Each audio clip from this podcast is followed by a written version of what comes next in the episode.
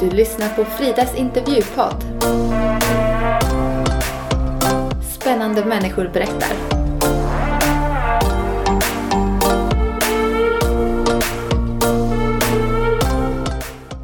I det här poddavsnittet så ska vi få lyssna till Kai.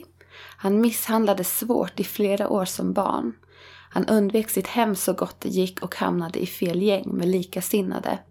Vi får här ta del av hur han från botten fick en helt ny vändning i livet. Och eh, jag kommer så väl ihåg när man hade hunnit bli runt 20 år och hur jag tänkte att vad är det för mening med någonting? Jag hade absolut inget hopp, jag var hopplös. Och kände att jag kör bara nu, jag blir väl ändå aldrig över 40 år så det spelar ingen roll. När jag var 22 då var jag så slutkörd och så trött. Det har varit så mycket då. Så då eh, hade det varit rörigt. Jag hade en fängelsedom över mig. Men jag kunde också välja ett behandlingshem och det gjorde jag. Istället för fängelse.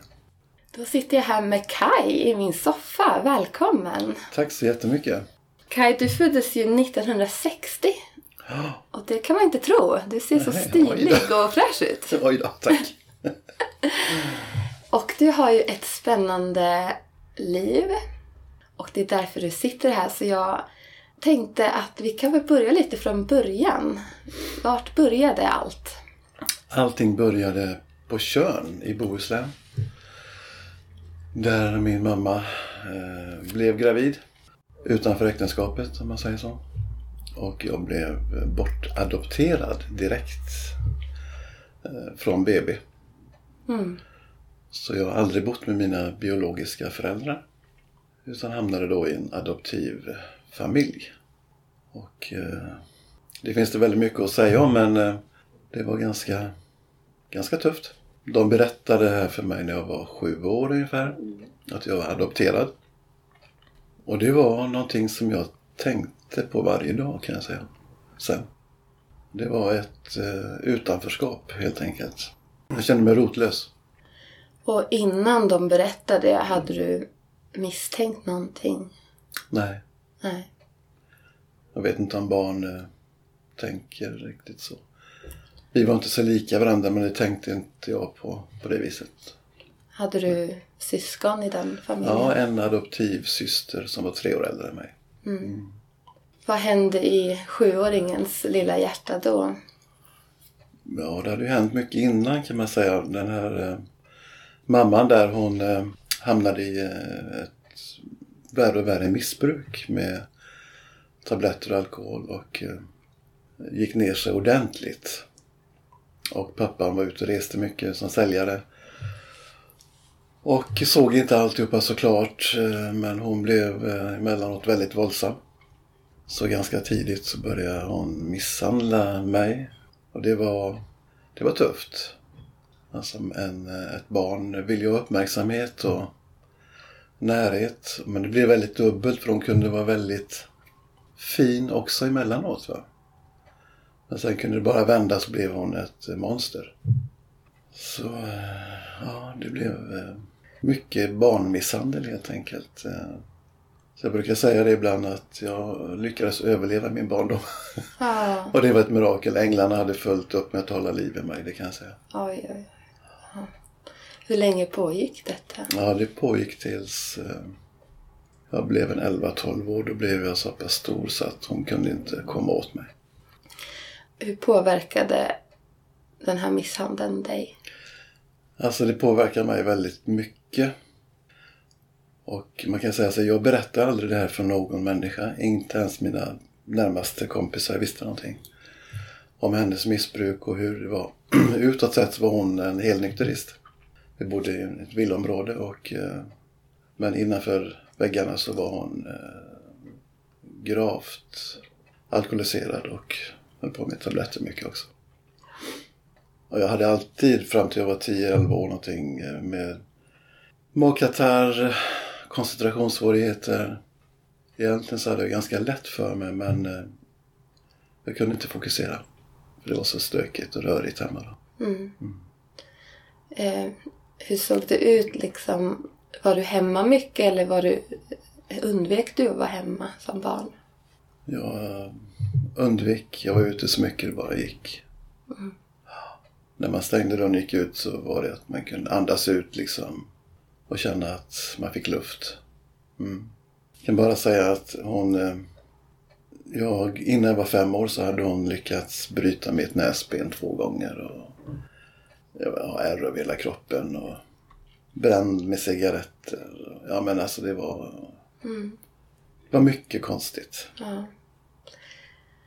Har du funderat i efterhand hur, hur du kunde hamna hos en sån familj? Alltså bli bortadopterad till en sådan familj?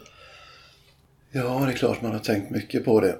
Jag tror det var lite genom att de hade kontakter och kände någon... Det var inte lika mycket koll då som idag. Så var det. Mm. Mm. Eh, var det någon, någon som misstänkte något i vuxenvärlden? Skolan eller? Aldrig i skolan men det fanns väl släktingar som eh, misstänkte saker och ting, det tror jag. Och eh, min adoptivpappa hade, hans mamma var frälst. Och hon hade några härligt frälsta systrar som jag vet bad för mig hela min barndom. Och jag tror att det är deras böner som, som eh, höll liv i mig helt enkelt. Mm. Mm. Hade du någon tro på Gud när du var barn? Alltså vi, min syster och jag vi gick till Missionskyrkan eh, några gånger på söndagsskola. Jag kanske var fem, sex år och hon, något lik, ja, hon var tre år äldre men jag fick väl inte med mig så mycket därifrån då. Men sen när jag konfirmerade mig som 13-14-åring då var jättefascinerad utav eh, budskapet i Bibeln.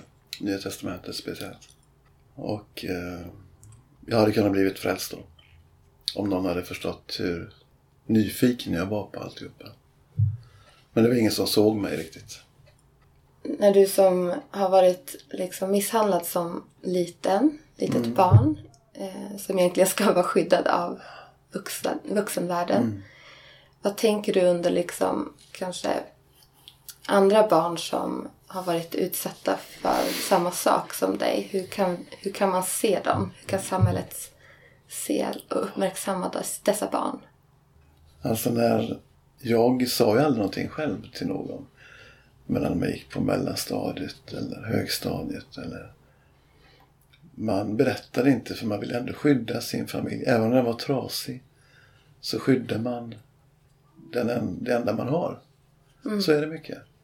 Men eh, jag tror ändå att vi, om vi ser och misstänker någonting, att vi försöker göra någonting. Anstränger oss lite extra. Vi har också jobbat som familjehem i många år och haft eh, väldigt skadade barn och hjälpt dem. Men de skyddar ofta sitt, eh, sitt och sina egna väldigt mycket. Så det gör det svårt. Ja, det är svårt att komma åt dem ja. kanske. Mm. Har du något, eh, något tips som du skulle vilja att någon, någon gjorde för dig i den situationen när du inte sa någonting själv? Ja, kanske att vuxenvärlden skulle ha brytt sig mer.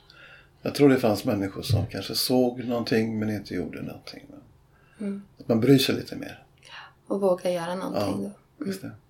Vara lite obekväm helt enkelt. Lägga sig i lite mer. Ja.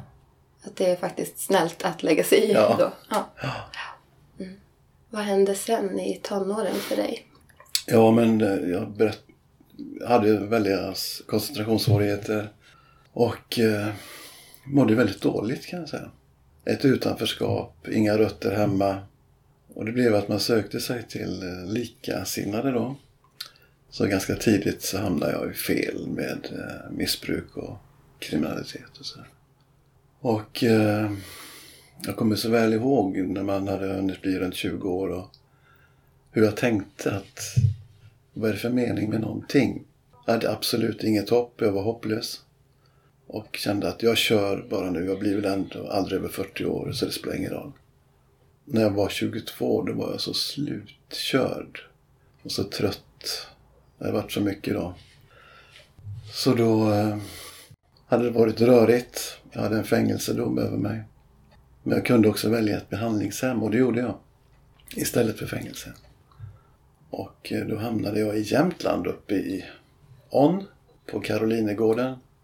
Och eh, jag var där i ett och ett halvt år. Och sen så kom jag till Hollands folkhögskola. Åredalens folkhögskola. De hade ett program på behandlingshemmet. Om man skötte det så kunde man få börja på folkhögskola och läsa in grundskolan och gymnasiet. Och så blev det. Tonåren var ju väldigt röriga och stökiga. Och att jag överlevde både barndom och tonår är ett stort mirakel. Änglarna hade full huggning och hålla liv i mig. Ja. Jag var med om så mycket bilolyckor och dramatiska händelser så att det, ja, det är otroligt att du sitter här ja, idag. det, det är otroligt. Ja. Upplever du att du fick en ny start när du kom till behandlingshemmet? Jag hade bestämt mig då. Jag var så trött på det liv jag levde. Jag kunde tänka klart ändå. Och eh, hade träffat en eh, människa. Jag fick en övervakare. Eh, som kanske jag var 21, 22 någonting. Och det var den första vuxna människa som verkligen såg mig. Mm. Och hon eh, hjälpte mig. Utan henne hade det aldrig gått. Mm. Eh, och då beslutade vi tillsammans att, att göra den här resan med behandlingshemmet och så. Mm. Då hade jag bestämt mig att byta liv helt enkelt. Eh, Men jag visste ju ing- ingenting. Men jag flyttade upp och hade liksom ingenting kvar där jag växte upp då i Bohuslän. Eh, Ingenting, jag lämnade allt. Kapade med alla vänner till 100 procent. För jag kände ju bara kriminella och missbrukare. Mm. Så efter behandlingshemmet och när man kom till folkhögskolan så var det ändå den största utmaningen att börja umgås med vanliga människor som inte var kriminella och missbrukare. Just det. Jag kände mig som ett ufo i den nya världen. Jag tänkte fråga Från det. början.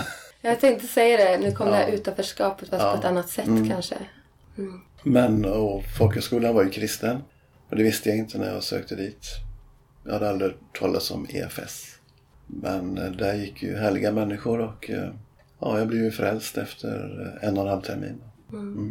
Du säger frälst då för de som lyssnar som inte vet vad det betyder. Vill du, vill du beskriva lite hur det gick till? Ja, alltså jag träffade ju människor som hade en levande tro. Och speciellt en flicka där som eh, sen blev min fru. Och är fortfarande min fru. Oj. Ja. Eh, vi blev väldigt förtjusta i varandra. Men eh, alltså hon hade en levande tro och talade mycket om himlen och Jesus. Och det här och det attraherade mig. Jag såg att hon hade någonting som jag ville ha. Men det var genom hennes frimodighet som jag sen blev kristen då. Och sen har du fått leva resten av dina dagar med henne då? Ja, Ja. Och med Jesus? ja precis. Där började ju en resa då i februari 85 när jag blev frälst. Hur gammal var du då? Jag skulle precis fylla 25 då. Mm. Och eh, det var ju ja, det var ett beslut helt enkelt. Nu vill jag vara kristen och gå på Guds vägar. Men jag var ju ja, men ganska trasig ändå. Dåligt självförtroende och alltihopa det här. Men sen efter ett tag då så började jag tänka mycket på dopet. Jag tog ju min, eh, min frälsning på allvar och så men det var eh, Det var mycket som var i vägen. Det var ett trasigt kött om man säger så. Kristet språk med mitt sinne och alltihopa det här. Trots att jag hade kämpat flera år och sådär. Men i maj 86 sen så döpte jag mig. I en liten eh, kyrka i Järpen och hela kyrkan var full med människor, många okristna också. Det var lite sensation att jag skulle döpa mig då. Mm. Och eh, i dopet gjorde Gud eh, ett mirakel. Jag blev kemtvättad i, i själen och i sinnet och, och kom upp helt ny. Alltså han gjorde mig helt ren. Mm. Och då min fru, eh, eller innan, vi var inte gifta då, men hon, då såg hon att där är han. Jag fick en ny blick och, och Gud, Gud gjorde någonting nytt i mitt liv. Alltså han rensade bort det gamla. Mm. Hur kändes det? Ja men det var fantastiskt. Jag hade alltid haft en otrolig människofruktan att stå inför en grupp och sådär. Men eh, i dopet så kände jag sån en, en otrolig gudsnärvaro. Både precis innan jag blev nedsänkt i vattnet och eh, även när jag kom upp. Jag fick, helt, jag fick en ny frid. Alltså, där, där blev jag född på nytt kan jag säga på riktigt. Mm. Alltså, Gud gjorde ett mirakel. Han helade mig. Han tog bort, eh, man kommer ju ihåg sin historia men han läkte mina sår. Mm. Där. Det var fantastiskt. Ja. Och där började ju en, eh, en fantastisk resa med Gud helt enkelt. Skulle du säga att, eh, att mötet med, med Jesus var vändningen i ditt liv? Eller hur? Absolut. Jag hade ju bestämt mig för att byta liv innan. Men jag hade ju ingen tanke på någon, eh, något kristet eller så då, för jag visste ju ingenting. Men det här var ju eh, någonting helt nytt, att bli född på nytt. En ny skapelse. Vad var den största skillnaden från ditt gamla liv till ditt nya liv då, som du beskriver, tycker du? Att få bli född på nytt, att känna sig ren och älskad. Jag hade ju alltid känt, känt mig ganska rotlös och faderlös. Någonting som Gud gjorde stort i mitt liv det var att jag fick eh, den här känslan av pappa Gud. Han älskade mig.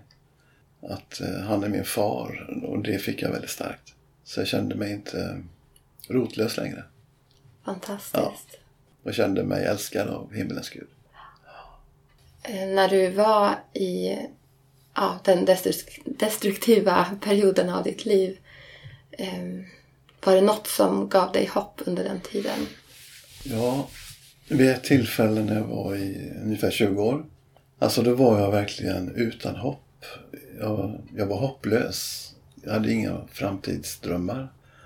Det var rättegång på rättegång och det var rörigt. En dag när jag var på väg hem så hörde jag en röst på insidan. Klart. Jag fattar inte då varifrån det kom. Men den var väldigt positiv. Jag hörde så här. Din framtid är ljus. Allt kommer bli bra. Och det var någonting som gav mig hopp.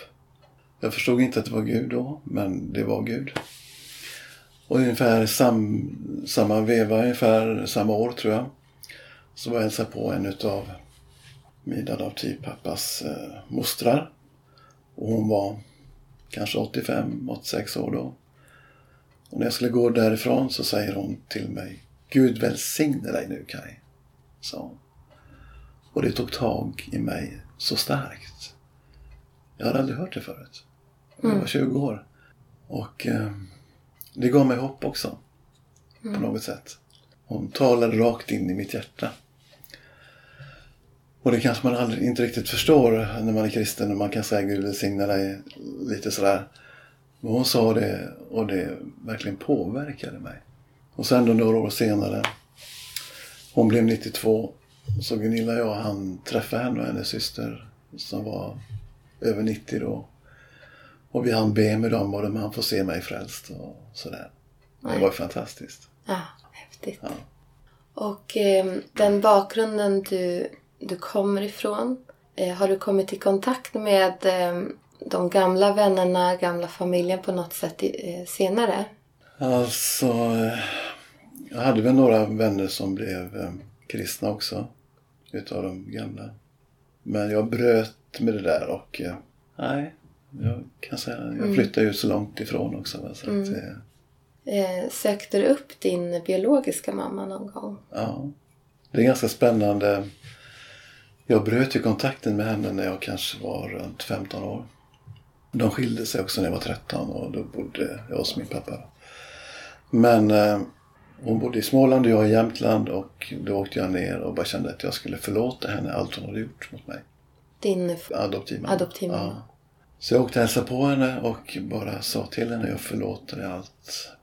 Nu drar vi ett streck över det här. Vad starkt. För jag ville inte ha någon bitterhet i mitt liv. Och eh, så blev det. Men sen hade jag ändå inte någon direkt kontakt med henne. Jag förlät henne men jag kände att jag behöver inte ha någon kontakt med henne. Det, det var bara så det var. Det var väldigt speciellt. för Jag, åren gick och hon blev äldre och äldre och jag kände att hon måste ju bli frälst. Hon behöver Guds nåd för att uppleva Guds kärlek. Och två år innan hon dog så blev hon frälst. Eh, och det var ju fantastiskt. Och det var en kompis till mig som inte kände till min bakgrund. Som jobbade natt på ett sjukhus. Han är sjuksköterska. Han jobbade, hon låg inne för någonting och eh, hon började öppna upp sig för honom. Han förstod ganska snart, för hon började prata om sina barn och nämnde mitt namn och min frus namn och sådär. Och han förstod, oj det här är ju Kajs mamma liksom. Eh, Han fick be med henne till frälsning där. Oj, vad häftigt. Och Hon fyllde 75 år dagen efter, har jag för mig det var. Och då han ringde upp och var helt eh, vild i telefon. Vet du vad som har hänt? och då ringde jag upp henne och gratulerade henne till eh, frälsningen och 75-årsdagen. Ja. Och sen eh, dog hon två år senare. Men, Vad häftigt. Allt det här trasiga som ja, någonstans får en för jag upprättelse. kände väldigt starkt att jag inte skulle träffa henne mer. Mina barn hade inte henne som farmor utan eh, adoptivpappan gifte om sig tidigt och fick en ny farmor. Och fick deras farmor blev det då som de fick. Och, eh, men eh, hon blev frälst. Och det var ju sån omsorg. Alltså, så häftigt. Ja. Vad har hela den här resan gjort med dig? Du har ju varit med om så mycket. Eh, Vad tänker du när du ser på där du är idag och vad du har varit med om? Ja. Jag, eh, jag ser ju människor, tycker jag själv, på ett... Det känns som jag ser människor. Verkligen vilka människor är och jag känner att det finns inga hopplösa fall. För Gud är allting möjligt. Kunde han få tag på mig och eh, så att jag blir upprättad och då kan han få tag på vem som helst och upprätta vem som helst. Mm. Så är det. För jag var väldigt trasig. Jag såg inte så trasig ut. Men eh, jag var det. Men nu är jag hel. Nu är du hel igen. Ja. Ja. Och så har du även en väldigt stor familj. ja, Hur jag många? gifte mig ju med eh, Gunilla. Och det är 34 år sedan. Grattis, vad häftigt. Och vi har ett fantastiskt bra äktenskap. Och fyra härliga barn. Och så har ni ju haft liksom extra barn lite så runt omkring också. Många utav barnens vänner och så. Alltså vårat hem har ju varit otroligt mycket folk i, genom åren. Mm. Både min fru och jag älskar ju ungdomar och sådär. Hon, hon har väl en kallelse som en moder kan man säga. Och jag är väl lite fader kanske på ett sätt. ja, vi älskar ju folk. Och eh, Och så bor ni ju i ett eh, väldigt fint hus bredvid en sjö uppe i Jämtland. Berätta lite hur det gick till. Ni har byggt det huset själv om jag förstår. ja, vi bodde i Jämtland och flyttade till Uppsala. Vi bodde i Uppsala i nio år och kände väl att vi ville tillbaks till naturen på något sätt. Fjällen. Och, eh, min fru hade ju önskat en, eh, hon har sagt till Gud under 20 års tid. En sjötomt med fjällutsikt och tystnad. Och jag sa till henne att det blir för svårt för mig, det får du ta uppåt. Och det gjorde hon. Och i rätt tid när vi hade sålt ett hus i Uppsala och flyttade upp och hade lite pengar. Då låg den där tomten framför våra ögon. Det var som att ingen annan såg den. Den var till oss. Och då kunde vi bygga, vi ritade huset och byggde huset ja, med hjälp av snickaren. Jag var med hela tiden. Men, och har bott där i snart 15 år. Häftigt. Mm. Och det har varit en stor välsignelse för många människor. Har du haft erfarenhet av bygge innan du började på ditt eget hus? Lite grann, inte så mycket ändå. Vi har renoverat några lägenheter. Och... När jag fyllde 30 fick jag en verktygslåda. Innan det hade jag inte gjort något, kan jag säga. Ja. I princip. Där började det. Och, eh, Men jag tyckte det var jättekul. Och, eh, Fick du verktygen? ja, Börja. jag tror att det går att lära sig. Det är så. Ja. Eh, vad är roligast inom eh, ja, husbygge tycker du? Eller vad var roligast på ert hus? Nej, men jag tycker det är kul att hålla och måla, speciellt utsidan. Ja, jag tycker om att måla. Man ser resultat och, och sådär. Var det någon, någonting som var en utmaning kring huset? Ja, hela bygget var en utmaning. Alltså, det, det var mycket mer än vi trodde med allting. Snickarna var inte kvar så länge som vi trodde. Så då var det otroligt mycket kvar för oss som inte hade gjort förut. Som man fick lära sig på plats och göra då. Men det gick bra. Ja. Ja, det stod färdigt och nu är ni tillbaka till Tjörn igen. Ja, nu har vi sålt det huset. Eh, Jag har inte bott eh, på västkusten på väldigt många år. Och känner att jag vill få med mig det. Och eh, upplever, vi kan nästan säga som en kallelse ner till, till Tjörn, Bohuslän.